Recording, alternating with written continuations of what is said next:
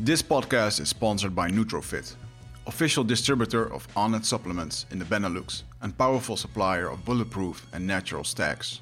Your online place to buy supplements and training gear that will help you achieve total human optimization. Try with no risk with our Nutrofit money back guarantee, shipping all across Europe within 24 hours. Find us at www.nutrofit.com. Bye.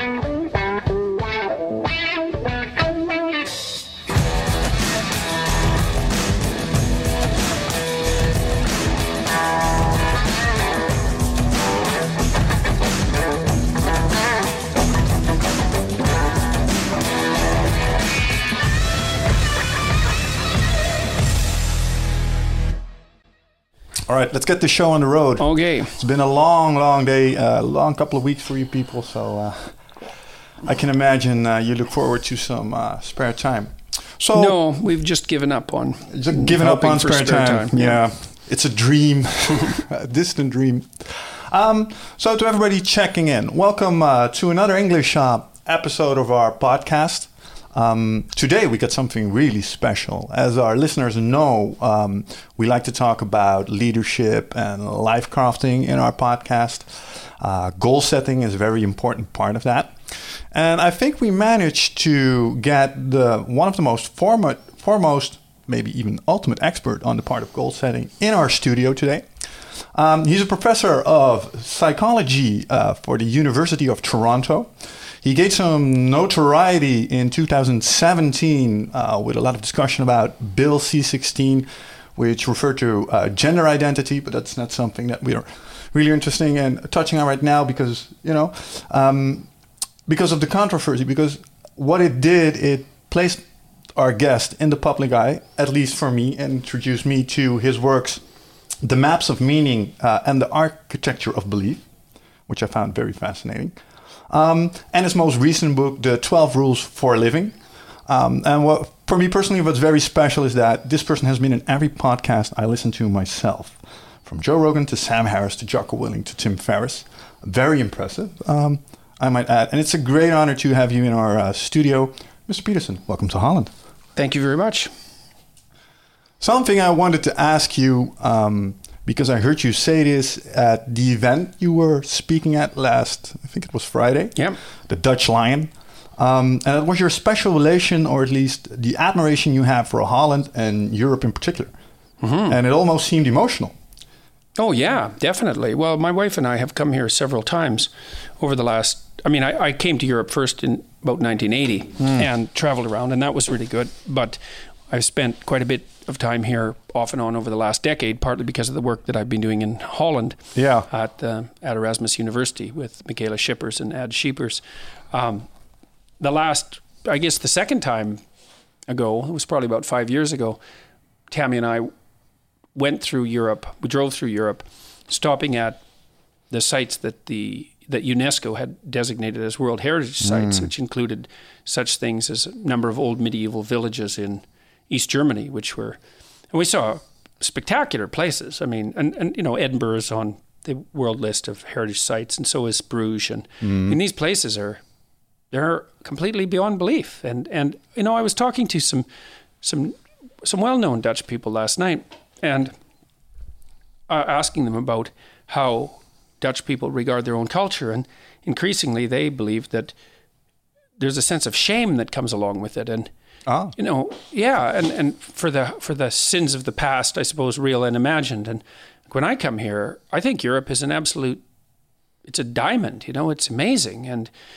Holland is particularly like that in, in many ways. I mean, mm-hmm. Amsterdam is an amazing place, but the whole country, first of all, shouldn't even exist. That's the first thing because it's underwater, you know, and so to have this place even be is a miracle of sorts. And mm. it's so well organized and and it's so full of opportunity for people and it's so stable and it's so free and it's it's orderly and tolerant at the same time which is a really difficult thing to get right. And mm. and there are parts of it that are just spectacularly beautiful. And so and and places like Bruges in, in, in Belgium it's it's so beautiful. It's just unbelievable. Edinburgh is like that too the downtown core.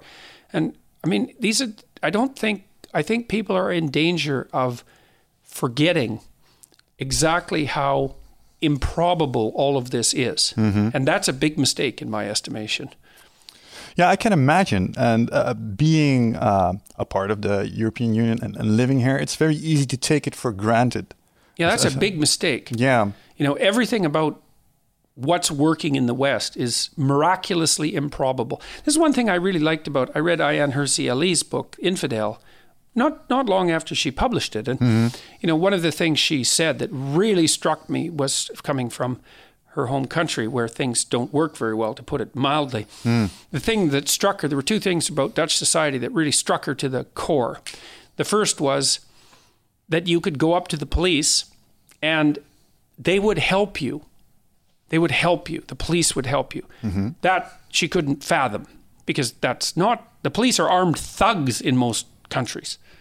So, in, in, in, in the vast now, in the vast majority of countries, the police are armed thugs and they live on bribery and, and corruption and oppression. Mm-hmm. And that's not the case here. Not to say that the police are perfect, but nothing is perfect. So that's not much of a criticism.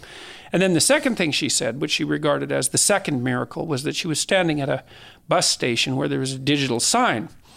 And the digital sign was counting down the seconds, minutes, and seconds to the next bus. Mm-hmm. And then when the digital sign said that the bus would appear, the bus appeared. Yeah. And that's the sort of thing you take for granted. And you shouldn't, because her response to that was correct, which is that's a miracle. And that's right.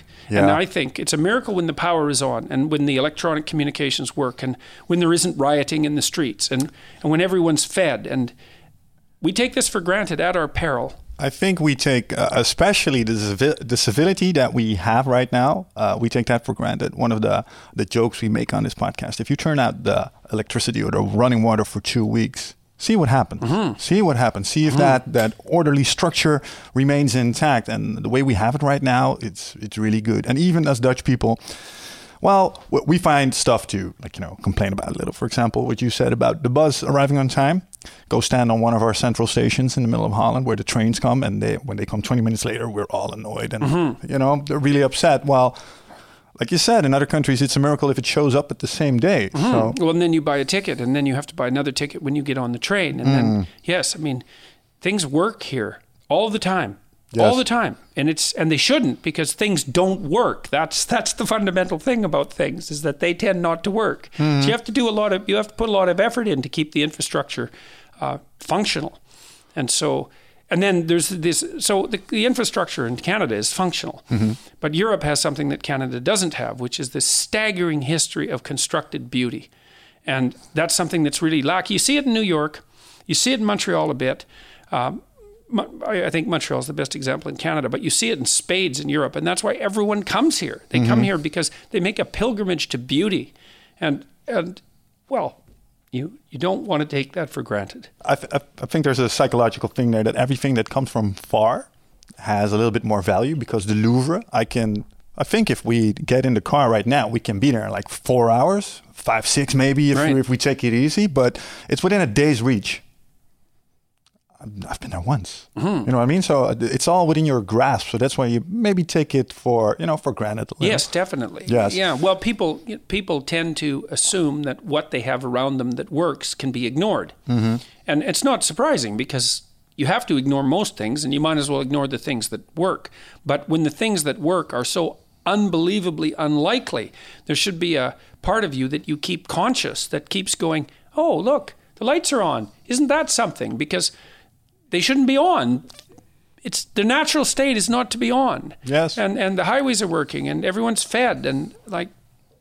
Yeah, and I also think that um, a lot of people don't fully realize how much uh, potential that gives you in your life. For example, I've worked with students, and um, every now and then I you run into people that um, are not highly motivated and you know, are maybe a bit resentful that they have to do the things that society makes them do. Hmm. Well, they also confuse what they have to do with what society makes them do. Hmm. You know, there's lots of things you have to do just to stay alive. Like you have to eat, and that has to come from somewhere. And you have to have clean water and that has to come from somewhere and you have to have shelter. So there's a misapprehension right there in people's attitudes. It's like, well, you know, I'm forced to be a slave by society. It's, uh, well, no, you're actually forced to be a slave by the fact that you starve to death and that society is mostly an attempt to buffer you against that. Yep. So, yeah, I agree with that. And uh, the fact that we uh, can do all these things in Holland, I mean, we have a pretty good schooling system. Um, no one in Holland um, has to be homeless or has to be out of a job or has an opportunity to sort of get an education if you really want to. And um, well, I think uh, the students I've worked with, not everyone uh, really realizes that. And I think there's almost a sort of obligation that flows from that. If you're, if you're bar- born in Holland with all the opportunity you have here, it's such a shame if you don't put it to full use because, well, like we said, you sort of take it for granted. But you know, get in an airplane, fly, fly for two or three hours, and you find an entirely different world. Yes. And I think if you walk around that world for a couple of weeks, you come back and you're like, let's get the show on the road. Right. Exactly. Well, which is a really good reason why you should go do that. Right. It's really useful to go somewhere where things don't work. You can do that metaphysically or psychologically or mm. or practically, but it's really useful. So then you know the difference between a place that works and a place that doesn't. Yeah. And it's also the case that if you live in a place like this and you don't take responsibility for what you've been given, let's say, or the opportunities you've been provided with, then the whole game comes shuddering to a halt, right? There is a tremendous amount of obligation and responsibility that come along with, let's call it the privilege, even though I hate that word, mm-hmm. let's call it the privilege of belonging to a society like this. Right? It's demanding to keep it mo- moving properly and working. But that's not something I think you should look forward to rather than feeling resentful about. Yeah, and it's not like it's with without its perks. Uh, like right. like uh, the, the, one uh, the perks lower in the Maslow you know needs hierarchy we, we tend to overlook those but those are not you know given in other parts of no. the world so yeah I think it's no, really well good and some of it too is, is, is, there's even more sophisticated things that that are offered here like the the standard interpersonal transaction in the West between strangers is honest. That's mm-hmm. the best thing we have. That's the most valuable thing we have. I always think about eBay in relationship to this because eBay was a miracle. And the reason that eBay was a miracle was because if you were a cynic, you would have assumed that the business model was flawed. So eBay unites strangers across the world, but let's mm-hmm. say across the continent to begin with, to trade to trade goods that are are are of, of no immediate use. Mm-hmm. Well, so the, the cynic would think, well, you'll send me junk and I'll send you a check that bounces, and that'll be the end of that, right? And, and then eBay is a no starter because it isn't going to work under those conditions. And so initially, when eBay got going, brokerage agencies offered to take a proportion of the interaction to guarantee that the validity, the mm-hmm. exchange, mm-hmm. right? But it turned out that the brokerages weren't necessary because the default exchange between people was honest. People didn't send each other junk, and everyone paid their bills. Mm-hmm. And the consequence of that was this immense pool of wealth was generated out of nothing but the ability to communicate, frozen currency. Yeah. And there's, I think, a real case can be made, both metaphysically, metaphysically, metaphorically, and practically, that the one genuine natural resource that the West, um, the West has to its great benefit is trust. It, trust is what makes people rich. Mm-hmm. Trust and honesty is what makes people rich. You say, well, does that mean all these poor countries are poor because they're corrupt? It's like, yes, to a much larger degree than people are willing to understand. Mm-hmm. So I suspect that if you could, first of all, I can't understand how any countries became not corrupt to begin with. Because once corruption is entrenched, it's so difficult to get rid of that it's almost impossible to imagine how it could even occur. Like people in the West, by and large, pay their taxes. Mm-hmm. Well, they don't in places like Greece. And we know what the consequence of that was. But in the West, basically, or in, in you know, in the Northwest, let's say, um, people pay their taxes. Well, why? What? Yeah, that's a good question. What do you think caused that? Because the first thing my mind goes to that might be something uh, born from the Judean Christianity. I think so. I, I think that's what it is. I think it's a consequence of the of, of the Judeo-Christian ethic. But if you look at South America, where uh, Catholicism and Christianity is also a big thing, yeah. Um, they're known for their corruption. Yeah, well, it's not the only thing. I, I also think that there were legal systems that developed that were mm. also of great aid, and I would say at the top of the heap there would be English common law. Yeah. You know, so so there's a number of things that, that contribute, and it's hard to specify all of them. But the consequence of, and I don't think we understand them, but the consequence is is that 99.9% of the time, when you engage in an interaction with a stranger, mm-hmm. uh, a, a, financial interaction, you can assume that it's going to be a valid in- interaction. And, and that makes people rich because you can exchange with everyone then. So it's a, and that and that's another kind of miracle, and yeah. it's very rare. Most cultures are not like that. Most countries are not like that. They're corrupt right to the damn core, and that doesn't mean it's top down. You know, the politicians are corrupt, but bureaucrats are corrupt too, and so are the citizens. Mm-hmm. It's everywhere at the same time. So, and people expect bribery, and and maybe that's the problem because um, it goes over all levels. One of the things um, that keeps bouncing in my head when we talk about eBay is the fact what they have uh, in place there is also a sort of peer review system where if you tend to be untruthful or you want to deceive someone, they can pretty harshly um, show that yeah, publicly yeah. in the company. Like, this is a bad trader. Yeah. Do not. So we yeah, so sort of banish these people. Yeah, definitely. well, and, but but what's interesting about eBay is first of all, it worked before the relationship tracking system was in place.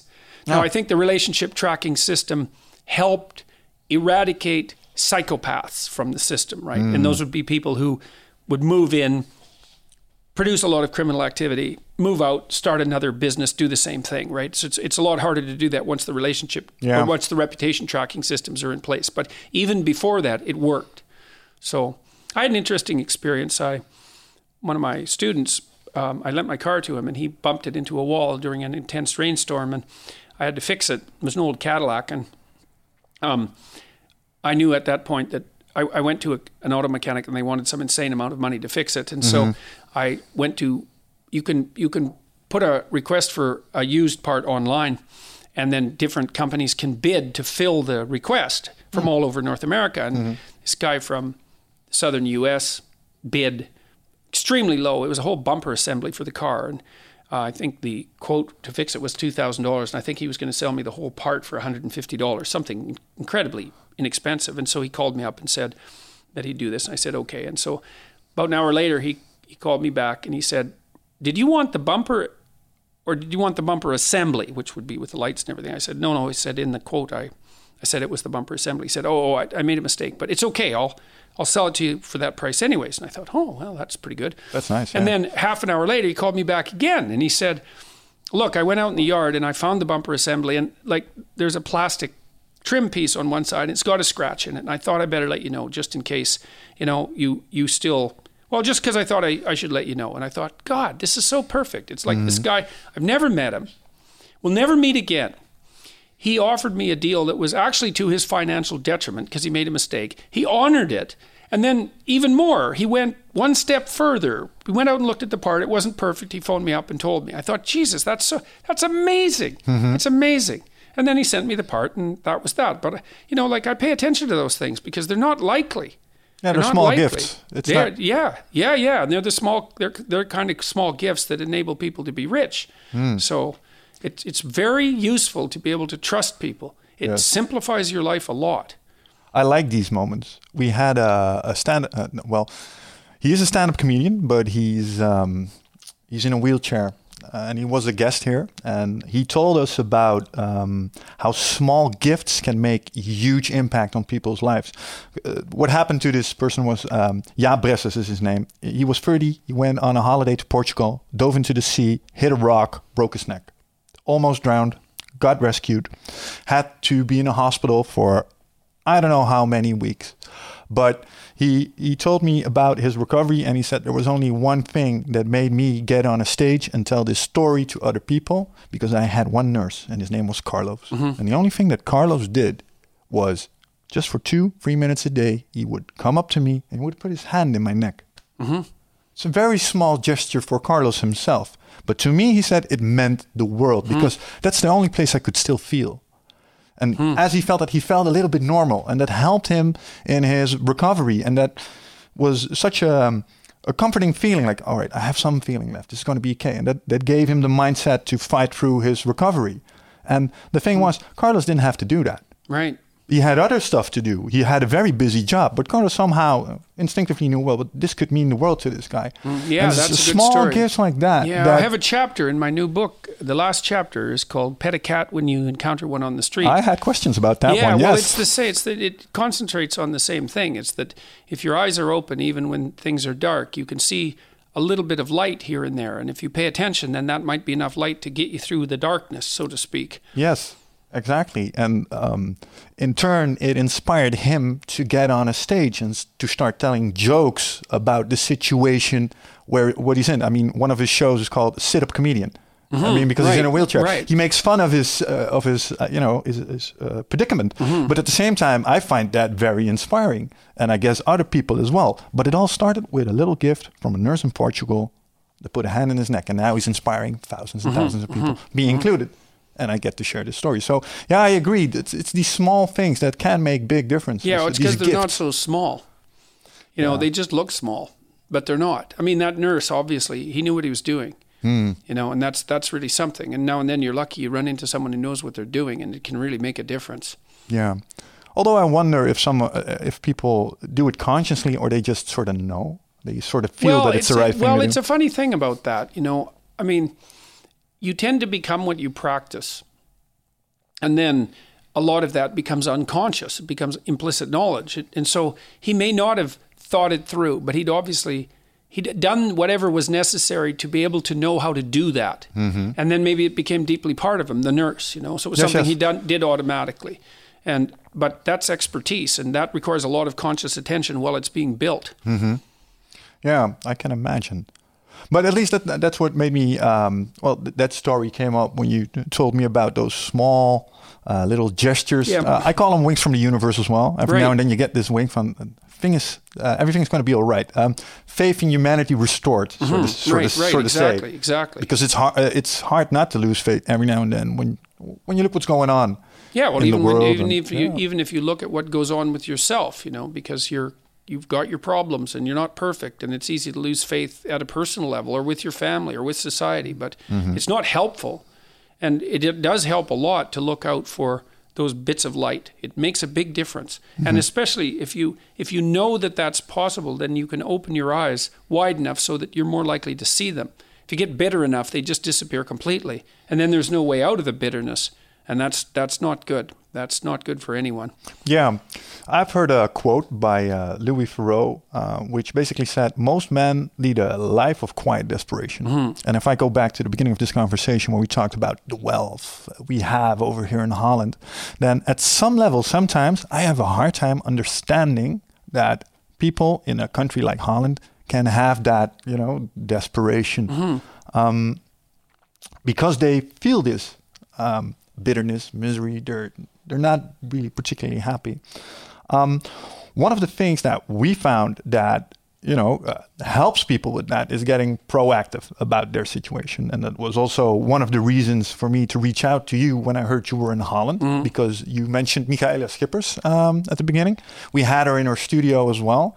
Oh, you did, Yeah, eh? yes, Oh. yes. And she told us a lot about um, the stuff you did at the university in Rotterdam Yep. especially with the the uh, self-authoring program in relationship to students. I heard you mention mention it on other podcasts, but I am fascinated by the fact that writing down a couple of things you want to accomplish have such a profound impact on your behavior later on. And the more I listen to your material, the more I started understanding. But there are deeper mechanisms at work here that you trigger once you start doing that mm-hmm. stuff. Yeah, the deepest of mechanisms, even. Yes. I mean, you you you you you change the world you live in phenomenologically, psychologically, by changing what you aim at.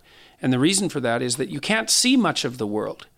You, you just there just isn't enough of you. You have to ignore most of the world. Mm-hmm. I mean, obviously, you not paying attention to what's going on in the country next to you in any real sense. So, for example, I mean, the fact that you're localized right here and right now means there's all sorts of things that you just physically can't attend to. But mm-hmm. even in the space you're in, you're basically blind to everything that isn't serving the purpose that you're aiming at. Well, so that's worth thinking about. If you're blind to everything that isn't serving the purpose that you're aiming at, and you can't see anything good, then one potential conclusion is that you're not aiming at the right thing. because there's lots of things in the world that could manifest themselves to you. And I, and I really mean this physically. It's, Mm-hmm. it's a physical thing as well as a psychological thing. And so if all you see in the world is is frustration, misery, cruelty, tragedy, and malevolence, and that's crushing you, then you, you can ask yourself, well, are you so certain that you're aiming at the right thing? Now, I'm not saying that all people suffering is a consequence of the inappropriateness of their aims. I think that's a big mistake because there's an there's an arbitrary there's an element of life that's sort of ineradicably ineradicably um, arbitrary. You know, then that's You mean the randomness of the universe, basically? yeah, well, the fact that bad things happen to good people, it's it's basically as simple as that. Or terrible things happen to good people, even, mm-hmm. or even that terrible things happen to bad people. There's a randomness element to it, and you don't want to get too high on your horse about that and assume that you know if something bad happened to you, it's because it's your fault. Mm-hmm. Sometimes it's your fault. And sometimes there's something you could do to decrease the probability that that will happen again. But sometimes you're just, you know, you got hit by a bus and the bus jumped the curb, and that's just how it is. But having said that, you don't want to underestimate the degree to which you can change the way the world manifests itself to you by changing what you're aiming at. Mm-hmm.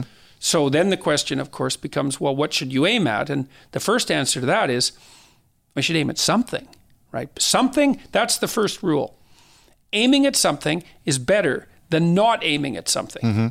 So I, I, write, I wrote a fair bit about that in, in 12 Rules for Life, too. Um, there's a rule in there that says compare yourself to um, who you were yesterday. you were yesterday instead of who someone else is today. That's something that you can aim at. Even if you don't know what's up, you might be able to think, or what direction up is, you might be able to think, well, you know, I, I'm reasonably aware of some of my flaws, and f- not flaws necessarily by other people's reckoning, although that too, mm-hmm. but flaws by your own, that you've identified by your own internal sense of orientation, things about yourself that you're dissatisfied with that you know you could change. It's like, mm-hmm. well, you could start changing those, like in small ways. That turns out to be way more powerful than people think.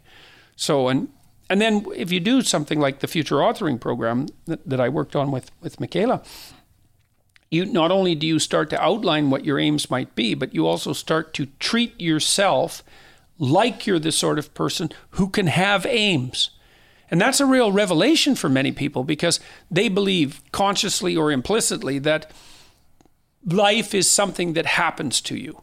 And fair enough, you know, there's an element sorta of life does, that yeah. happens to you, but but it doesn't have life doesn't happen to you any more than when you're captaining a ship, the ocean takes you where it wants to go. Right? Sometimes the ocean takes you where it wants to go, and sometimes that's to the bottom of the ocean. But if you have a seaworthy ship and you're a decent captain, then you can make your way across the ocean, even if there's a storm. Mm-hmm. And that's a good metaphor, that sailing metaphor. It's also why I think people love sailing so much, mm-hmm. because it, it has that metaphorical or metaphysical reality to it, as well as mm-hmm. being something practical. Plus the promise of bounty uh, behind the horizon, probably, if you start moving towards a, a particular goal. Yeah, well, that's it. That's well, and, and it's also it's a it's a bounty that can increase as you progress towards it as well. It's like, well, I'd like things to be slightly better than they are today. Yeah. Okay, well, then tomorrow will be a little better, and then what you're aiming at is a little, I wouldn't grander, nobler, grander. Both of those things. You've improved your position. And, mm. and that feels good in itself. And that gives you a sense of control, I mm. think. and a sense of hope. Because if you've done it once, even a bit, you think, oh, well, I did it once. I can probably do that much again. Maybe I could even do more. And maybe if I practiced hard for like 10 years, mm-hmm. I might get really good at this. And the thing is, people do get really good at it. They get amazingly good at it. And then you meet people now and then who, like, they're very astute captains of very powerful and fast ships.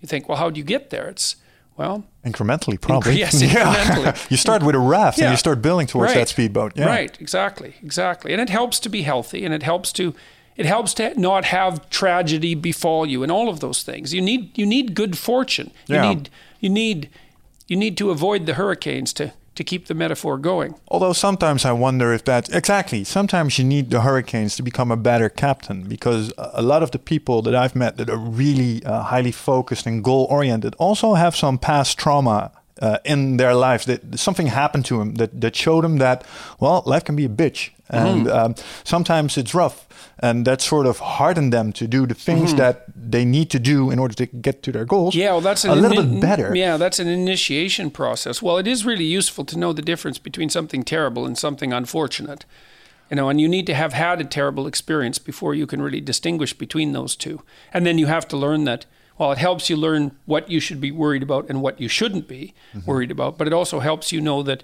you're tougher than you think you are. Yeah. Yeah, I agree with that. It makes me think of um, of a prayer. I'm not a very religious person, but once um, a friend of mine taught me a, a, Christian prayer, which basically went along like, like um, uh, Lord, give me the strength um, to change the things I need to change, uh, the peace to accept the stuff that I cannot change, and the wisdom to you know differentiate between the two. Yeah, which is basically yeah, it's pretty, pretty good triplet of sentences, no doubt about it. Yeah, yeah. So, I like that one. Well, and with the with the future authoring program, you know, so we we we replicated some of the research that was done with Michaela in Canada at a little college called Mohawk. And we brought, under, I would say, suboptimal conditions, and that was purposeful. We brought students into the college during their orientation day in the middle of the summer.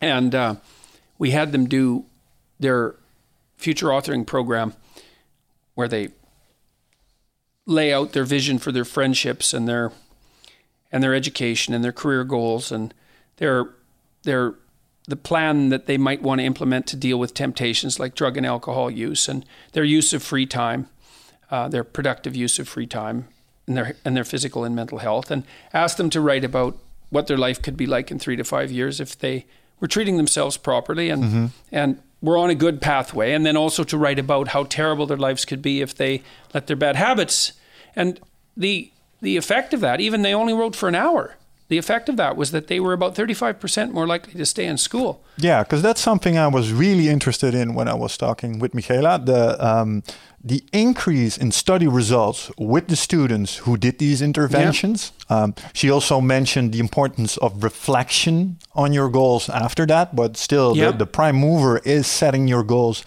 and moving. Yes, to have that initial vision. What surprised me about that is because I have done the self-authoring mm-hmm, program, mm-hmm. I've fulfilled it. Um, how relatively small that intervention is. Of course, it requires yeah. thinking, but um, I think if you did the future authoring a bit without the value uh, part, yeah.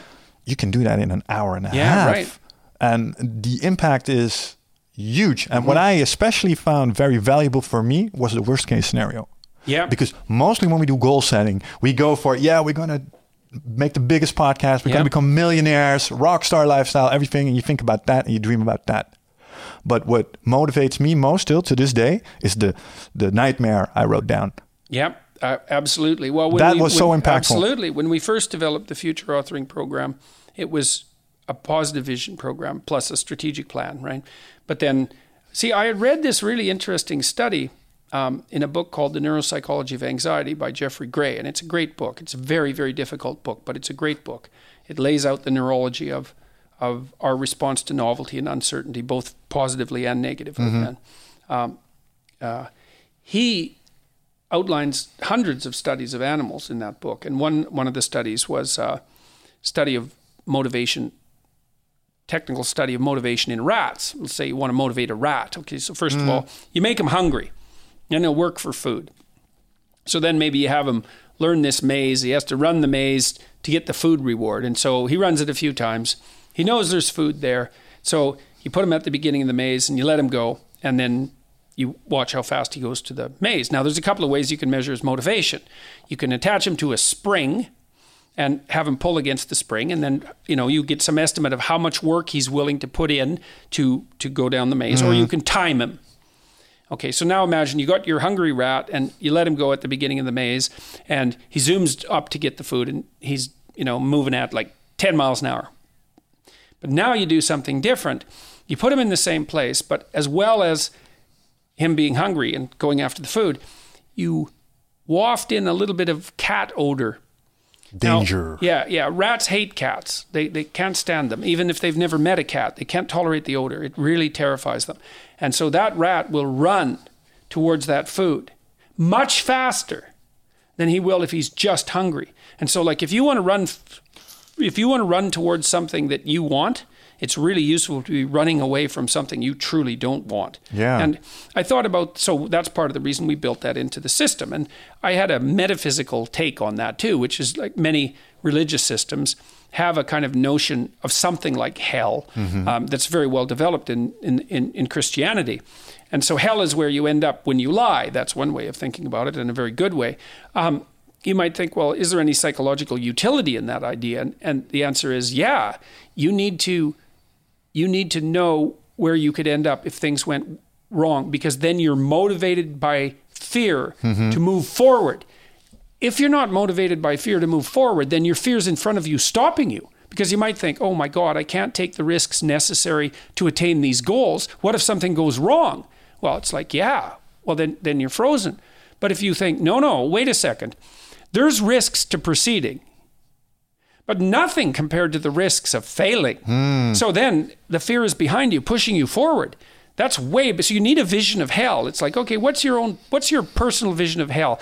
You let your life fall apart because of your own stupidity and your own blindness. It's like you're the worst place you could be in five years. Well, that's what we ask people to write about. It's a great counter against the phenomena I've, I've seen with people who start working with roadmaps and they just um, go at it from the positive viewpoint. Is that they run out of motivation juice, mm-hmm. out of juju. Like, mm-hmm. They're like uh, all of a sudden like, yeah, we want to do this, and then after a couple of months, it Yeah. sort of ebbs away. Right, exactly. And I've always been wondering, how do you like manage that? You can do intervision, you can do reflection. Yeah. That, that's all great, and mm-hmm. it has its benefit definitely. But lighting a fire behind you, You bet, man. That There's works. Not, nothing like consulting your existential terror.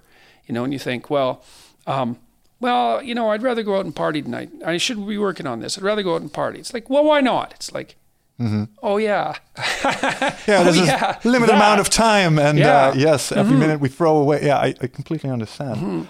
Um, so if you look at um, Um, arithmetic helps too. in which This- sense, Well, this is something I've done with big groups of students um, and my clients as well. It's like, okay, I ask students in particular between the ages of, say, 18 and 20. Hmm. It's like, well, how much time do you waste in a day? Is it an hour? And people say no. Is it like four hours? No. 10? No. It's usually about six. I can get a group of 200 students to agree that they're just wasting six hours a day. No, and by their own definition of wasting, right? Mm-hmm. So, okay, so then we do some we do some mathematics with that. We've got the six. That's fine. Six hours a day. Okay, so that's 40 hours a week. All right. So then I think, well, what's your time worth?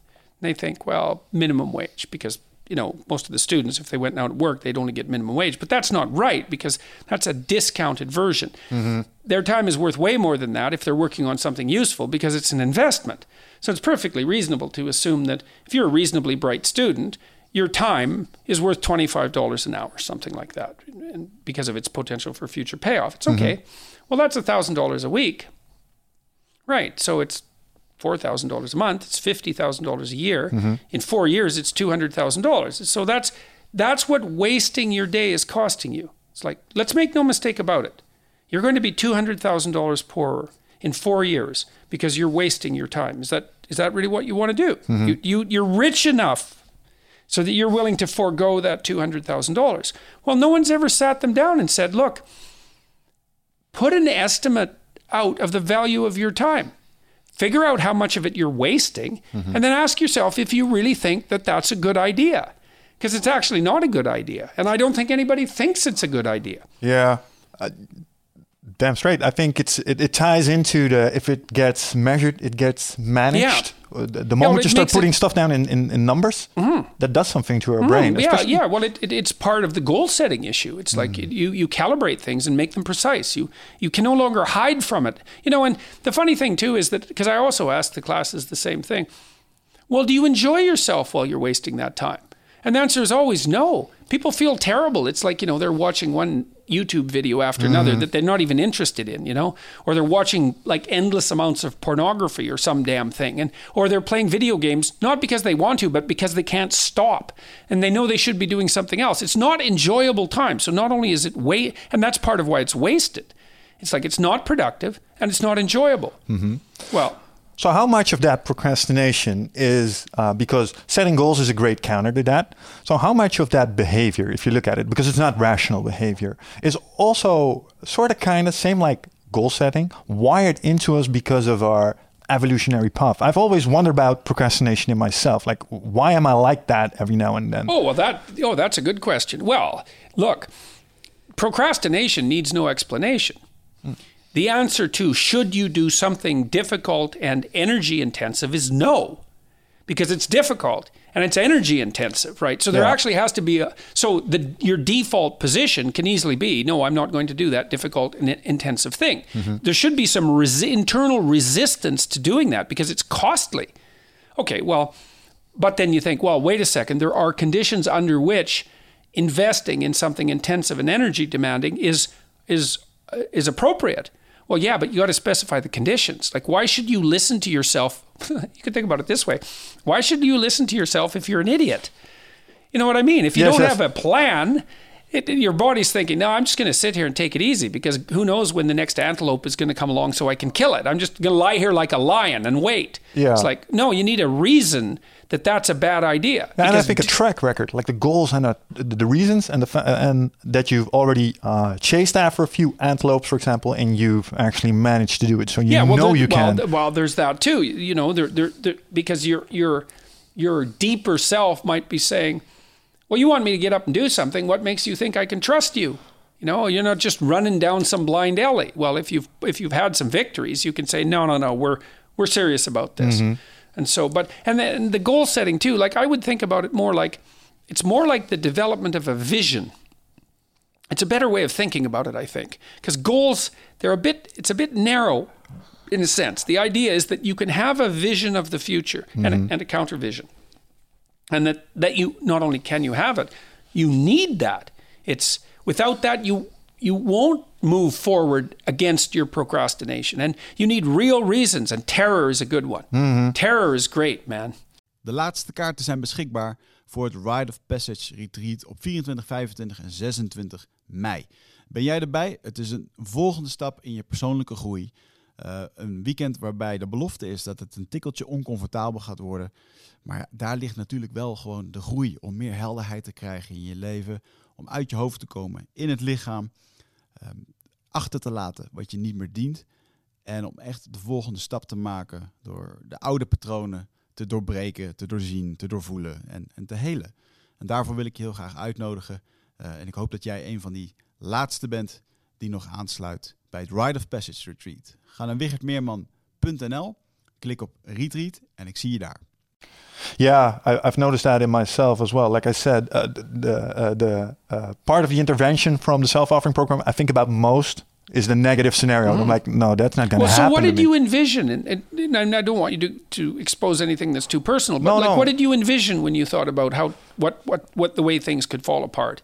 Yeah, well, by uh, f- for example, um, um, shying away from the stuff that scares me. Um, we'll make sure that I don't, for example, with this podcast, um, sometimes we have to do stuff that, well, we find a little scary, or mm-hmm. we have to talk to people uh, in front of a crowd, which is always right. a little scary as well. And I have been known for myself to be either really, really risk seeking in the adrenaline sense or really risk averse. Mm-hmm. And if I, uh, you know, feed that risk averse behavior, I'm going to go out of the way of uh, challenges, which, which will bring me. Um, a, a, great bounty or a great reward or knowledge or whatever. And I have always, um, well, in life, I've shy, uh, in life I've shied away from challenges like that, especially in my youth. Mm-hmm. And one of the things I wrote down that's not, not ever going to happen to me again, or stuff that I uh, went through when um, people opposed me in the uh, pursuit of my goal, and I had yep. to fight for you know my right to proceed. Yeah and uh, i wrote stuff down that might happen to me if i get overwhelmed by other people or don't stand up for myself. Yeah and that yeah well, every so now and then right. when i get in situations like that I, that's what pops to mind. I'm like yeah i have to now i have to fight for it Right, right. Well, to eat, to under like to lay out a vision of yourself as a weak failure five years down the road should be sufficient, and to really think through what that means. Right, you're you're sick of yourself. You're bitter. You're resentful. You're angry. You're physically ill. You're depressed. You're anxious. You're hopeless. you know, and, and you're of no use to anyone. So mm. you're also making not just yourself miserable, but that you're making actively setting out to make the people around you miserable because you're so angry, and you're not good for them. It's like then you think that through. Is that the way that I want to live my life, minute to minute, hour to hour, day to day? It's mm-hmm. like hopefully, if you really think that through and, and you allow yourself to feel it, then you think, no, no, how about we don't do that? That sounds like a bad idea. We'll just not go there. I, I'm pretty sure it is a bad idea. The thing I'm wondering about, though, uh, when I think about these things like goal setting and why we do these things and why we don't want to be that particular loser, uh, if you, and you look at the inner mechanics of man, we've had pretty smart neurologists in this podcast, like Dick Swaab. He's like one of our foremost uh, uh specialists in that area. He's like, well, if you go to the core, it's basically two things: survival and procreation. Mm-hmm. That that's basically the biological trick you're trying to do. You're trying to pass on your genes. Mm-hmm. How do you look at that uh, particular statement? Do you think that's true? That uh, if you go back to the the, the, the core of what we do, it's well, biology. I, I think it, well, I, I think I would say yes and no. Mm. I think there are very useful reasons to carve up the world in that way. When you're when you're playing a game that's biological analysis and you're looking for similarities between human beings and other animals, you're looking for continuity across the life, you can certainly point to the necessity of survival mm. and procreation, which are variations of the same thing in some sense, right? I mean, procreation being long term survival yes. in the longest sense. And obviously, our motivations serve those functions because otherwise we wouldn't be here. But I would also say that there that that notion when applied to human beings is it's narrowly reductive in a non-helpful sense. It's too bare bones mm. because we're certainly not only striving for survival, or or we have to expand the notion of what survival constitutes. We're we're we're striving for something like optimal existence.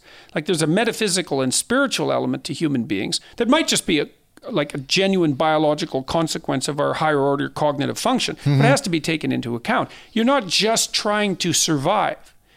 You know, there, it's survival under a certain set of conditions. You want to optimize your life, and and that brings in the entire domain of values. And you're not like you're not trying to procreate. It's not exactly that. If you were, you'd just go to a sperm bank, hmm. right? Because that's the most efficient way of taking care of that problem by by by by an order of magnitude, right? No investment and plenty of, of, of offspring. You're not trying to do that. And I, I think that that kind of biological reductionism is useful as a tool, but it's not useful as a metaphysical or, or psychological outlook. Mm-hmm. And I mm-hmm. think that's because it's, it is actually too narrow. what we seem to be doing is a process of and and you can see this in bio this thinking in biologically oriented psychologists like Jean Piaget is that we're trying to play a kind of game that's self maintaining and self improving at this that's what we're after and mm-hmm. and we're really oriented towards that even biologically so to to reduce it to something like the mere struggle for survival it's like each rat against every other rat it's there are domains in which that's useful analytically, but it's not sufficiently sophisticated to serve as a philosophy of being. Hmm, hmm. The reason I ask is because I once heard a statement that basically went like, uh, everything psychological is biological. Mm-hmm. And it was like uh, in a discussion about free will. Mm-hmm. Like if the universe is deterministic, that everything you experience in your mind is sort of a result of brain chemistry, yeah. which is a result of what you ate, which is a result of yeah, it's a, it's a silly argument, I would say, because it's true. Technically, hmm. it's true that everything psychological is biological. And it's true technically that everything biological is physical. But the problem with that is that there's an, there's an inference there that if we could just make it physical, we would understand it mm-hmm. and it would end up to be deterministic. It's like that's a Newtonian worldview. We know that that's not even true because at the at the most fundamental level of material reality, the world is not Newtonian. It's quantum. Quantum mechanics, yes. Right, and, yes. and it's weird. At the quantum level, it's weird to say the least. Yeah. And so it is true that everything psychological is biological. And it is true that everything that's biological is physical. But it isn't true that we understand what physical means. And so it looks like a reduction to a level of simplicity that we can comprehend. Mm-hmm. But it's not. So let's say when we finally become fully reductionistic and we can explain everything psychological biologically, mm-hmm. if that ever happens, which is unlikely, by the way, and then we can explain everything biological physically, what we mean by physical will be so different by then mm-hmm. that it'll bear almost no relationship to what we mean by physical now because we go so, to the to the, the most lower level and the rules that apply there are completely different than they do in our well we well we know that already that's mm-hmm. that's the revelation of quantum mechanics is that things at the bottom are very very strange yeah. to say the least I, I was so, told that people that say they understand quantum mechanics don't really understand quantum mechanics because I, it's so well, alien the, the, people who understand it understand it mathematically mm-hmm. that doesn't mean they can understand it conceptually and i think part of the reason they can't understand it conceptually is because our concepts are grounded in our, let's say, our motor understanding. Like objects at our level of resolution, which is sort of halfway between the quantum and the cosmic, something in a logarithmic scale, we're about halfway between the quantum and the cosmic. Mm-hmm. There are objects that manifest themselves at our level of resolution, like a cup. Well, a cup's a pretty deterministic object, and you can get a grip on it. You can understand it, right? And understand it means that when you interact with it, it does what you want it to do. And then you can think, well, the world is made up of things like cups, except they're smaller. It's like, well, that's true until they get really small. And then they're nothing like cups. They're nothing like anything we can yeah. understand. And so we can't understand them because our, they, they, they're outside of the realm that our understanding operates, operates within. Mm. So, so the reductionist, the reductionist argument is a good one. It's good to reduce something complex to something simple if when you reduce it to something simple, it enables you to work with the more complex thing better, right? Yeah. You don't want your model to be any more complex than necessary to work. Yeah. But the idea that we can reduce our psychological complexity to biology is like, well, perhaps good luck with that. We certainly aren't able to do that at the moment. No, because I had a few holes in that um, in that chain of reasoning myself. For example, one because if those prime directives are true, survival and yeah. I have a hard time. Um, um, fitting in, for example, Christians uh, mm-hmm. uh, in the time of, uh, for example, when they did the Inquisition, and, mm-hmm. and, you could be thrown for the lions or burnt at a stake for believing certain mm-hmm. things. That does not fit in either two of those categories. I mean, that's pretty exclu- exclusive, even if, if mm-hmm. you're willing to let yourself be burned at a stake, that's not very good for your survival. Mm-hmm. Uh, and still, people are willing to do that. And that kind of taps into that thing that people can do, and I, I think you call it uh, establish a relation with a transcendental value. Right, even. right. Yeah, well, I think that's that's a that's a that's a that's a good observation. I mean, people don't live out survival at all cost, like some people do mm-hmm. sometimes. Yeah, but the the ethic that motivates people, that's a fundamental ethic, isn't survival at all costs. And I think if you actually look at how people behave, you see quite frequently that they don't act as if it's survival at all costs, and certainly not procreation at all costs. And I mean, I'm not, as I said before, I'm not trying to deny the utility of a Darwinian worldview. It's an mm-hmm. incredibly powerful tool, but you can't reduce human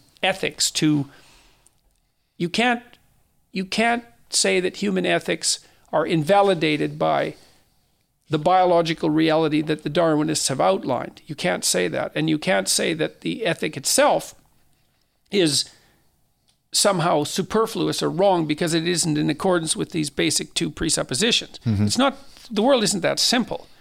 So, you know, what Darwin what Darwinian what the evolutionary psychologists do in some sense is strip away all the excess and look for basic principles that guide human beings and they find that quite frequently. But mm. it you don't want to extend the analysis beyond its domain of utility. Yeah, and I also had a hard time placing um, something you talk about a lot as well, like the, the hero's narrative, altruism, um, doing something that's not necessarily immediately beneficial for you, but for others as well, because that kind of seems to contradict that as well. But it is a very fascinating uh, part of the goal setting, sort of. Um, maybe you can talk a little bit about that. What happens when people start, you know, um, setting their life straight, and they they sort of start on this symbolic journey that like is in everything of human history, basically. Well, the, I guess the first part of the symbolic journey is the idea itself that it's worth aiming for something valuable, right? So that's the first transcendental idea. There's something valuable you could aim at. Okay, it's a hypothesis. And you say, well, well, if, if there is something valuable to aim at, then what might it be? Well, you have to consult with yourself to, to discover what that is. And then you start to pursue it, let's say. And then you find that when you pursue it, obstacles arise and things that you don't know manifest themselves, things that you don't understand. Well, what do you do in a, situation like that? You give up? You stop pursuing the goal? Well, there's a couple of possibilities you can modify your goal a bit because maybe you were wrong. Mm-hmm. So that's a thing to keep in mind with with the, with this with the setting with the establishment of values and the and the elaboration of a vision. You start out with a provisional vision, but you should also always think subject to modification if necessary. Because as you move forward and gain experience and knowledge, then your ability to formulate a vision is going to grow. So you want to have the vision, but you don't want to grip it so tightly. Then you become a kind of utopian ideologue, something like that. You want to think, well, this, I think this is better than what I've got, and I'll move towards it, but I'm willing to alter my viewpoint and I'm willing to learn as I go. I'm, so you hit an obstacle, you hit things you don't understand. You modify your vision, maybe, or you explore the things you don't understand that are getting in your way, and you you build the world as a consequence of that exploration. You build yourself, you build the world out mm. of what mm. you explore, and then that that there's more of you then. There's more to you then. There's more to your vision. And that's really, in some sense, that's the simplest possible way of construing the hero's journey is that you confront what's unknown, you establish something of value, you proceed towards it, you confront what manifests itself as unknown on the way. You learn from that, you reconfigure the structure, and you repeat. And sometimes that's going to mean you take yourself apart to some degree because you know you you move ahead. You think, I've got this goal, I can do it. Mm. You implement it, and you find out, no, that's a little too lofty that goal for me. I failed. I'm not quite who I thought I was. I have to take myself apart painfully, put myself back together, try a little less ambitious aim repeat. Mm-hmm. That's okay. That's okay. That that's all part of the same process. Have you ever heard of Scrum? Yes. Yeah. You, you actually, you, you described Scrum for life basically just now, because okay, what, so what Scrum is is a development tool they used in software. We learn. I'm a tech guy. We learn in software that if you want me to make a computer program for you and you describe it to me, yeah. and we start making it, yeah. and I show you the final product that's going to be nothing like what you wanted. And right. The, and the best way to um, create a complex desired outcome is to do it in small iterations because yes, as you yes. progress towards your final goal, you're going to learn stuff and you're going to have. Um, in, in, Dutch we call it voortschrijdend inzicht. It's like uh, you, you, gain extra knowledge that you know influences your desired outcome in the end. Exactly. And what I've seen with people who start setting goals is that they're like afraid, like if they make a roadmap or something, yeah. that that's going to be a tattoo yeah, something right, like that. Right, it's it's not it's not set in stone. It's going to change. Mm. I hope it changes because you know that means you've progressed Developed. along the way. Yeah, exactly. Yeah, well, the probability that you can aim what at what you should be aiming at in your current state, especially if your current state isn't very good, is low. But yeah, I mean, when when when we develop software, because I've developed software, we do exactly that. It's mm-hmm. like, well, let's let's sketch out a rough draft, you know, and I do this when I'm writing. It's like, well, we'll do a bad first draft. There's nothing better than a bad first draft, a shitty terrible first draft, first yes. draft. And and you can do that. I, I, do this with my students when I'm talking to them about writing their thesis. It's mm. like hmm. I said, look, you're going to be afraid of writing your thesis. It's for sure because it's a developmental milestone. You know, go home, write the worst PhD thesis you can in three days. And if you if you if you hit an obstacle, just jump over it. Write down, I hit an obstacle here. I don't know what to say, and go on and just lay it out, sketch it out. You know, and they come back and they say, hey, that really worked. I mean, I can write, I can write a really bad PhD thesis. It's like, okay, good, good. Sketch the thing out. Mm. Well, now go fix it up. Well, I can fix it up. It's like, well, keep doing that. Keep doing that until it's good enough. And and goal setting or, or, or the establishment of a vision is like that. The first thing you need to know is that you need to have a vision. It's like the second thing you need to know is your vision isn't going to be very clear. It's like, okay, no problem. Mm-hmm. Do it badly. You can do that and then make some progress and then revise. Progress, revision, progress, revision, progress, revision. Yes. That's fine. I think that's also the reflection part that uh, Michaela referred to. Like uh, if you progress towards your goal, it's good to sit down every now and then and just think like, how is stuff going? Yeah. How are we progressing? What can Yes. we do to improve this? Yes, well, that's when you want to have honest conversations with the people around you in your business too. It's like, yeah, you take stock. You don't want to do that every second because you drive yourself crazy, right? You got to develop the vision, implement for a while, and then Yeah. evaluate. But when you implement, you you generate new information, and then you can make a new plan out of that information. It's not. It's more than that too. That this has been discovered in recent years. So let's say that you well you said uh, for example that you were nervous about public speaking many people are nervous about public speaking and it's not not that surprising but let's say you decide that you're going to go out and speak in public okay so now you're going you're like an animal who's going into new new territory you're just exactly like that in fact it's exactly what's happening is you're an animal going into new territory now you need to develop some new skills. And so you might think, okay, well, what's happening is you watch yourself talk and you listen to people's feedback and, and, and, and you, you gather information about your performance and you build the new you out of that information. Okay, that is that is happening. That is happening. But that's not all that's happening. Here's something else that's happening. So when you put yourself in the new environment, there are new there are genes that switch on in your brain that weren't on. And they code for new proteins and that builds new structures in you. So it's not only that you're gathering information and building yourself out of the information and encoding it it's that you're turning on switches inside of you to activate parts of you that weren't on before. Mm-hmm. And so you might think so there's this old idea that that's represented in the Chartres Cathedral. There's a maze in the in the cathedral, right at the cross point. The, the cathedral's in a cross shape, and the maze is at the bottom of that. And it's a symbolic pilgrimage. So the idea is that you're going on a symbolic pilgrimage to Jerusalem, essentially, and the center of the world. So the holy city, let's say. So the mm-hmm. ultimate ideal, that's what it is the holy city, the city on a hill. Okay, so the maze is a circle, it's quite large, and you go in one quadrant. It's divided into 4 Um, so you can think of the circle as north, south, east, and west, right? And you go in at the bottom of one of the quadrants, and then you walk that entire quadrant, and then you have to walk the next one, and then after that you walk the next one, and then you walk the next one, and then after you've walked every square inch of every quadrant, you get to the middle. Well, so what does that mean? It's it's it's like a pilgrimage. It's like, well, you're some naive like medieval guy and you've never gone outside your village more than two miles, right? So what the hell do you know? You don't know anything. And then you decide you're going to go on a pilgrimage to Jerusalem. It's like you're gonna you're not going to be the same person when you come back, and it isn't just because of what you've seen and done. It's because the demands that have been placed on you because you've put yourself outside of your zone of comfort turn on all sorts of switches in you that make you into something that you weren't. And th- this this symbolic pilgrimage of going to every corner of the world before you mm-hmm. get to the middle is a representation of that. So you want to you want to put yourself outside your domain of comfort while you're pursuing your goals. You stretch yourself.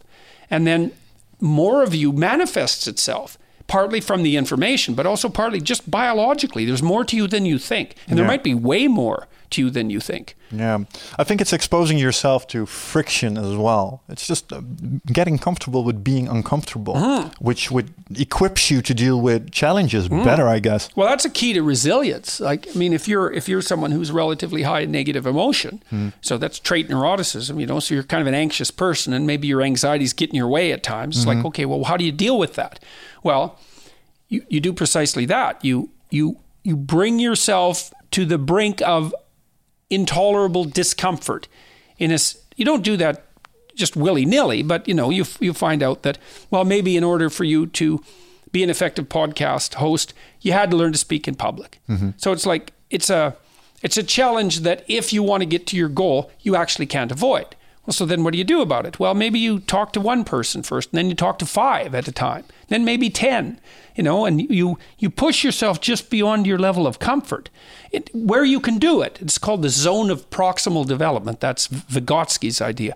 It, it's that it's that, and that's the border between order and chaos in my in my formulation. And what happens is you get more courageous, you get more skillful. It, it's genuine. It's not just psychological, you know. Yeah. It's real. And I also, I also think you stretch your reference. Uh, uh, if you're used, for example, um, my co-host and me, uh, we, we both do martial arts, mm-hmm. and uh, the joke we make is that if you do martial arts on a regular basis, but you're also in business, yeah, and you go to a meeting, that's a little bit, you know, maybe it's going to be uh, a tough talk. Yeah. You're going to have to with someone. Yeah, and usually people they kind of tend to be well they're not too fond of doing that yep. it's a little scary conflict averse yes but the joke we make well at least no one is trying to pull your head off. Right, exactly. Uh, because Definitely. we're used to guys trying to pull our heads mm-hmm, off. And if mm-hmm. you're in tough conversation, well, nobody is physically assaulting you mm-hmm. right now, so it's not that bad. Mm-hmm. Yeah, I had a client a while ago who, who did stick fighting.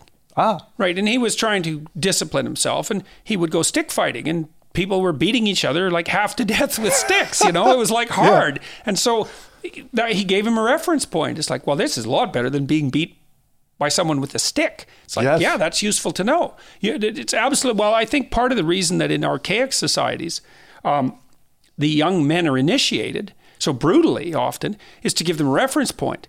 It's like, yeah, this is bad, but it's not as bad as that like two week period when you were 13 that you spent at the bottom of a pit in the dark with mm-hmm. nothing but your own fear and nothing to eat and you didn't know if anybody was ever going to come back to see you and you were plagued by the demons of your imagination. Well that's a pleasant idea. Mm, it's not that bad. It's no. like oh yeah and i got through that. Well okay you know that's extremely useful. It's extremely useful to know the difference between the limits of your tolerance and something that's just a mild inconvenience. Mm. yeah yeah, I totally agree. And I have, um, if you if you look at that hero's journey, for example, and you see people confronting um, their proverbial dragons, yep. so to say. Um, it's a it's related a bit, but a bit unrelated at the same time, uh, because it goes back to that uh, biological um, background we all had. And I think I heard you say somewhere that um, the symbology, for example, of the snake or the mm-hmm. dragon uh, stems straight from our, for example, our vision was developed because we wanted to detect snakes mm-hmm. and stuff like that. Mm-hmm. So um, the the value, or at least the meaning of a serpent in Western culture. Mm-hmm. Uh, and I heard you talk about the dragon. And what we in the West tend to do is we chop off the dragon's head. Mm-hmm. But if you look at the dragon of Asia or Japan, that has a different sort of meaning. That that's a sage or a symbol of um, wealth or at least prosperity. Well, even in the West, the dragon hoards gold, hoards gold, holds mm-hmm. a tre- hoards a treasure, or maybe hoards virgins, right? So the dragon has something of value. And you might say, well, do you concentrate on the dragon or do you concentrate on the value? And and then and there's another twist in it too. Is like the dragon is associated with that which lurks beyond the confines of what's understood. Well, let's say that you live in a society that's pretty loose and what you need is order. Mm-hmm. Then you confront the chaos and you tame it. But let's say you live in a tyranny.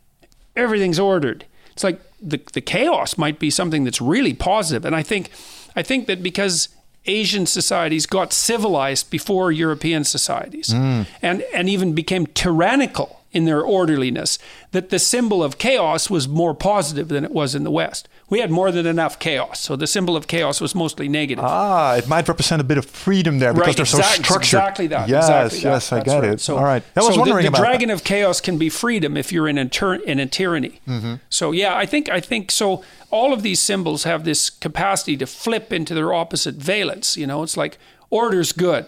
Well, wait a second. Not if there's too much of it. Mm-hmm. Chaos is bad. It's like, no, not if there's none of it. Right? You want some chaos. It it, it keeps things alive. Yeah. It keeps things unpredictable and, and keeps them interesting. So whether chaos and order are good depends on where you're standing. And and and well, that's that's that's the right way to think about it. And, mm. and then the valence of the symbols associated with them would switch in that regard. So, yeah they always seem to protect something uh, uh, of value. And um, the thing that also triggered me, I heard you describe that um, you get contacted by people that start calling themselves, um, what was it, religious atheists? Christian atheists. Christian atheists, yes. Yeah. And that's something that um, actually got me thinking as well, because I used to be a very militant atheist from the mm. rational point of view. I mm-hmm. mean, mm-hmm. Noah and a boat and all the, you right, know, right, like the right, stuff that, right. that yeah, you can poke holes in that. But mm-hmm. then I started listening to your uh, lectures and like you described, a relation with a transcendental value, uh, in combination with what I heard you say about the postmodernists that kind of break everything into ration, and that's why you actually can't even you know talk about stuff anymore because you're just trying to impose your particular goals. I'm trying to impose my particular goals, but that's at a human level.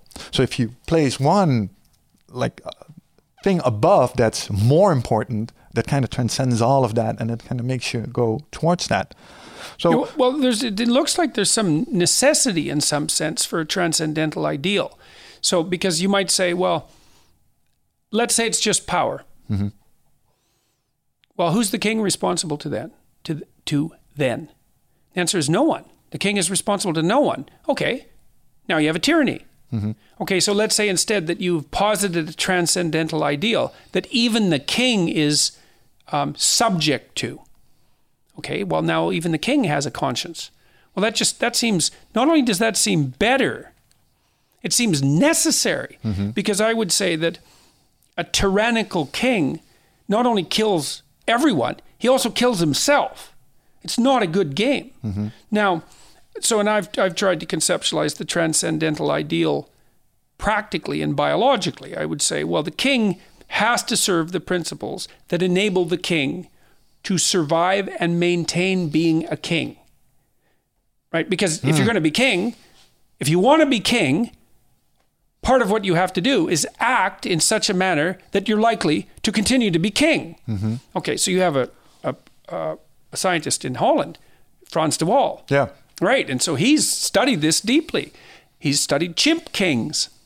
And he's tried to figure out okay, well, if you're a chimp king, how do you stop the other chimps from tearing you apart and devouring you? Because when chimps go to battle for dominance, it's not pretty and mm. they will mm-hmm. gang up on each other. And so de Waal was interested. It's like, okay, let's say you have the dominant male. Um, what characterizes the dominant male who's likely to survive? Because the thing about being the dominant male is two subordinates can take you out. So even if you're the toughest guy, you know, it's like three of three of your enemies are still going to be able to take you it's out. Too much, yeah. Mm-hmm. So then, what it, what it, what the case is is that you have to act if you're the dominant male in a manner that doesn't encourage three of your subordinates to take you out. Mm. Well, that turns out you can't be too much of a tyrant. So if you're a chimp overlord and you're going to be successful, turns out you have to treat the females pretty decently and their infants. And then it also turns out that you have to have friends. You have to do some reciprocal grooming. There has to be some reciprocity in your interactions. Like you get groomed because you're the king, but you also do some grooming because you need some friends. Mm-hmm. And so if you're just the bang 'em up, like crush 'em sort of chimp, brutal ty- tyrant, and you're having an off day, it's like you better look the hell out because mm-hmm. you're going to end up like bloody and dead. So the transcendental ideal, in some sense, emerges out of that is that even the tyrannical chimpanzee has to follow a set of transcendent principles or he'll end up dead.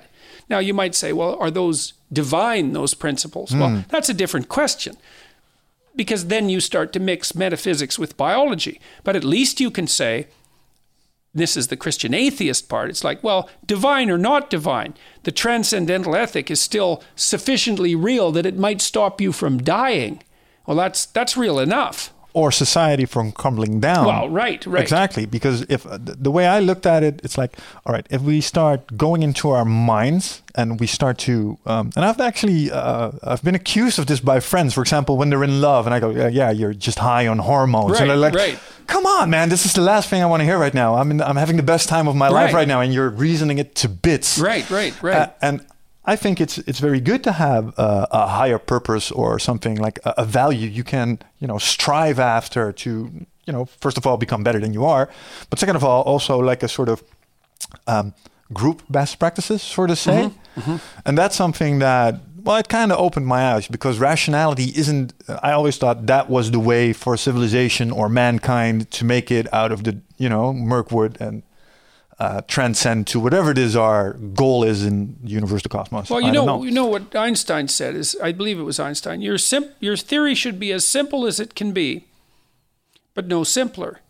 And so that's the thing about reductionism. It's like your friends in love, and you say, "Well, that's hormones." It's like, well, yeah, but but what you're implying is that it's just hormones. Yes. And by implying that, you're implying that you know what hormones are. Well, you don't. There's so much you don't know about hormones that it's just beyond belief, right? And like you don't know how they produce their subjective effect, for example. You don't have a clue about that. So you could say that they're just hormones. The problem with that is this the just part. It's like what makes you think that hormones aren't something miraculous? What makes you think they don't have a spiritual dimension? Because mm-hmm. they clearly do. So so the and, and that's that the the problem is isn't biological reductionism. It's biological reductionism that doesn't know its limits. Now, when I've been doing these biblical lectures, I'm been being a reductionist. I'm saying, I'm saying that I'm going to treat these stories from the psychological perspective. Mm-hmm.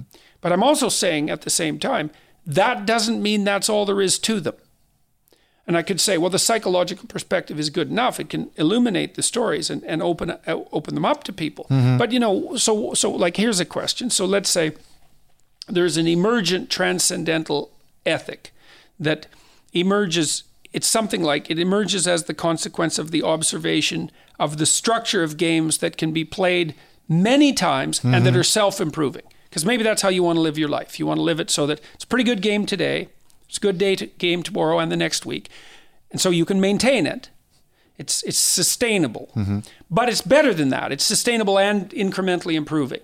And then you think, okay, what's the nature of a sustainable game that's incrementally improving? You could say, well, it's there, there's no nature above and beyond its practicality. But maybe there is a nature above and beyond its practicality because we don't know what being is aiming at. Now, maybe it's aiming at nothing. Mm-hmm. You know, maybe it's it's just the quasi-deterministic force that the that the scientists claim. But maybe it's not. And so for me, it's to leave it's it's it's not to close the door on what so I talk about God a lot in the biblical lectures, obviously, because mm-hmm. well, for we don't have to explain why it's kind of hard be. to go around them, yeah. exactly. And so but and people say, well, do you believe in God? It's a question I don't like at all. It's it's not it's not the right question. You can look at the stories, and the stories make tremendous sense psychologically, and they imply something divine. Mm-hmm. And I'm not willing to dispense with the implication because, for example, I'm not willing to dispense with the idea that there's something divine about consciousness. I think that's like a definition of divine. Mm-hmm. Whatever consciousness is, that's divine. You say, well, is there any is there any reality to to what's divine? Well, I yeah, consciousness is divine. Well, well, it's a, it's a it's an axiomatic statement in some sense. I would say, well, why is it divine? Well, it can call forth order from potential. Mm-hmm. That's that's an element of divinity. You say, well, that isn't really what I mean by divine. It's like, well, what really do you mean by divine exactly? Is it an eternal? Is it something eternal? Well, I don't know because I don't know what consciousness is like. I have an idea about that. I, I think it's the the force that drives this game that we're playing. Well, that, whatever that that might be. Okay, well, the, but that that's a very archetypal idea. There is like one of the deepest mythological ideas is that well, there's nature, and there's culture, and there's consciousness. Those are the three things, and mm. consciousness. All three of those play a causal role, or or it's yeah, it's nature, culture, and and and and and consciousness. That's the individual in some sense. And it seems to me that that's that's as true as anything that can be said. But and there's more to it.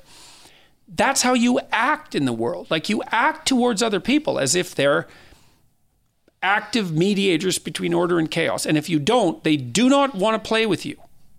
And I think, oh, that's interesting. So so here we are in a situation where no one will play with you unless you treat them like they're the divine mediator of order and chaos. Mm-hmm. people say, well, what do you mean by that? It's like, well, I act like you have free will. I act like your choices are important. I act like you're a responsible person or should be held responsible.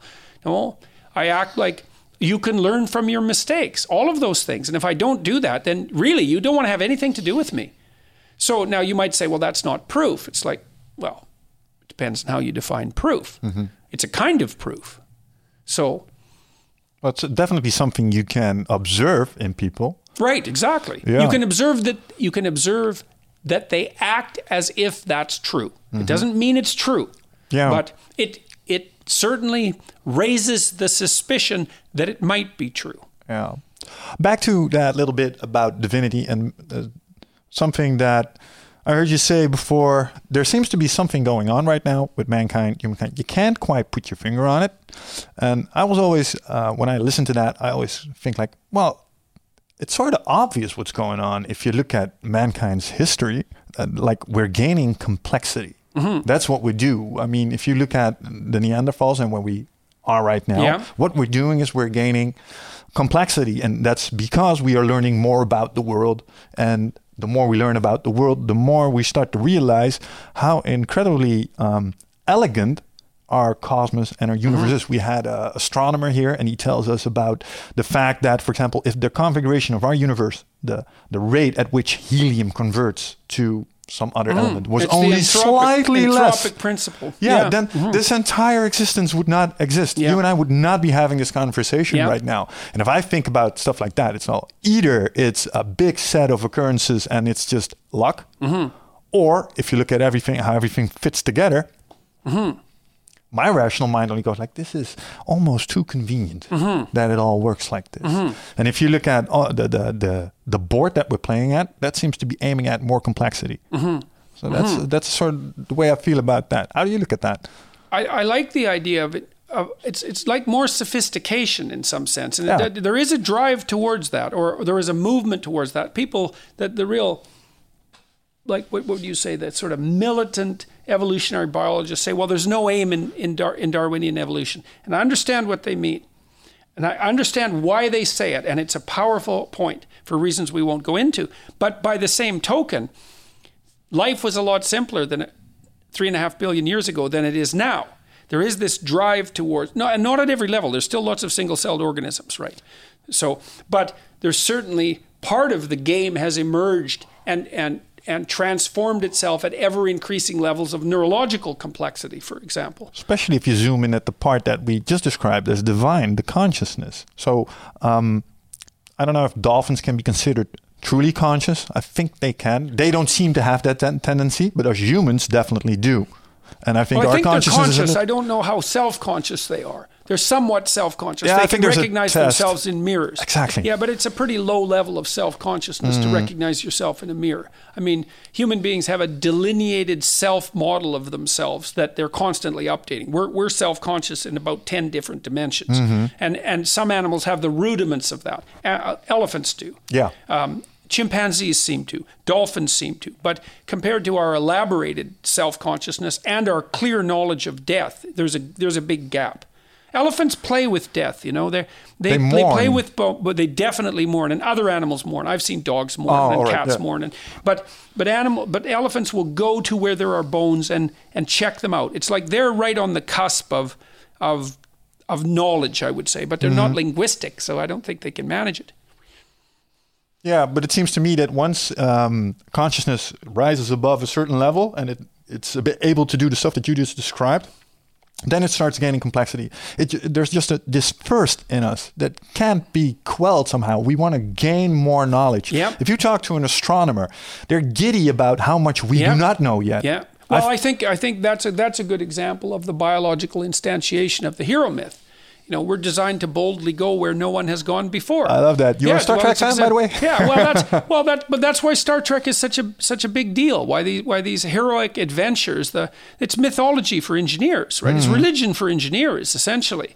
And we are there is a great adventure in going where you don't know and and, and mastering the territory. Yeah. And, and if you look at the Star Trek universe in particular, that these guys, uh, what I always liked about it, especially the old uh, Star Trek, is that they were all like these um, almost archetypical heroes. Mm-hmm. They always did the right thing. They were always going like they had their directives, and of course they were were humans and they made mistakes. But there was this moral that seemed to be so much higher than what we had in this particular right. time at Earth. It was something to strive for. Like yeah. uh, Captain Picard could be a role model uh, for leadership in a lot of senses. Mm-hmm. Mm-hmm. Well, that's exactly what he is, and he is a role model for leadership. That's why people are watching him because, you know, any any leader, a fictional leader like that, is a fictional leader is a quasi messiah. Mm. Right? It's a fragment of the messianic archetype. And so it, it might be the fragment that particularly appeals to you. So if you're a techie, you know, you want your messiah to be captaining a starship. Yes. And that's where you get your fragmentary messianic vision. and it's it's important. It's vital, and you see that with Star Wars. You know, all these people they say, "Well, I'm atheist to the core," or "You're a Star Wars fan." Oh, yes, I'm a great Star Wars fan. It's like, well, you know, those two statements don't go together. So, and it's obvious. I mean, no, I mean with Star Wars. I mean, for example, the the screenplay was specifically influenced by Joseph Campbell's work, who was, of course, a devotee of Jung and mm. who studied archetypal archetypal patterns of behavior. It's not it's not a it's not a hypothesis a hypothesis to say that athe- geeky atheistic engineers get their religion through Star Wars. Mm. It's just a statement of fact. So, and and we should pay attention to that because those things. I'm not making fun of that, and not in the least. I think these stories are so vital that it's good that you get them in whatever manner you can get them. It's funny if you think about it. Like Star Wars is atheism. You have these guys in robes believing in an intangible force called the Force. Right. Right. Well, exactly. It doesn't get more religious well, than and that. It, and it's a it's a straight morality play. It's good versus evil. Yeah. So yeah, that's right. It doesn't get any more religious than that. And you see the same thing with Harry Potter. You know, it's he's a dying and resurrecting hero for mm. God's sake. You know, he's touched by evil, and and Voldemort is clearly a satanic figure. Mm-hmm. So how do you feel about the tool of the heroic journey and using that to uh, pro- project yourself as a hero as you go on? Oh, it's through? exactly what should happen. That, mm. That's what it means to be properly enculturated, is that you, you see yourself as part of the ancestral succession of, of heroes. That's what you're doing. That's what you should be doing. You want to live up to that, you know? Mm. That's why you should have some gratitude towards your culture, is that it's established by these – flawed figures of the past, obviously, but that's good because you're flawed too. Mm-hmm. These people who at least rose above their flawed nature to some degree and established something wonderful, which is something that, that you should be striving for. That makes life worth living. So. I think we're going to close off this podcast. Mr. Peterson, thank you so much for coming out. Um, this was great. Uh, a milestone for me personally, but I think for our podcast as well. So, oh, and uh, I mentioned earlier, um, the, I'll get a, I'll get you a discount code for the self-authoring program. I'm going to shout it out right yep. now uh, because I'm just going to tell you what to, to make the code. Yep. So, so guys, if you want uh, uh, you want a taste of this and you want to start your own heroic journey um, today, um, you can order the self-authoring program we talked about, so the goal setting program in its most uh, lean form at self-authoring.com. And if you use the promotional code EINDBAZEN, you will probably get a nice discount, right? You'll get a 20% discount. A 20% discount. So go ahead and buy that right now. All right, guys, thank you for listening. Thank you for coming out. Uh, same to your lovely wife who has been sitting here patiently listening to us. And I think she's heard this uh, particular spiel quite a lot. But um, thank you so much for coming. Well, thanks guys. very much for the invitation. That's it. All right. Ciao.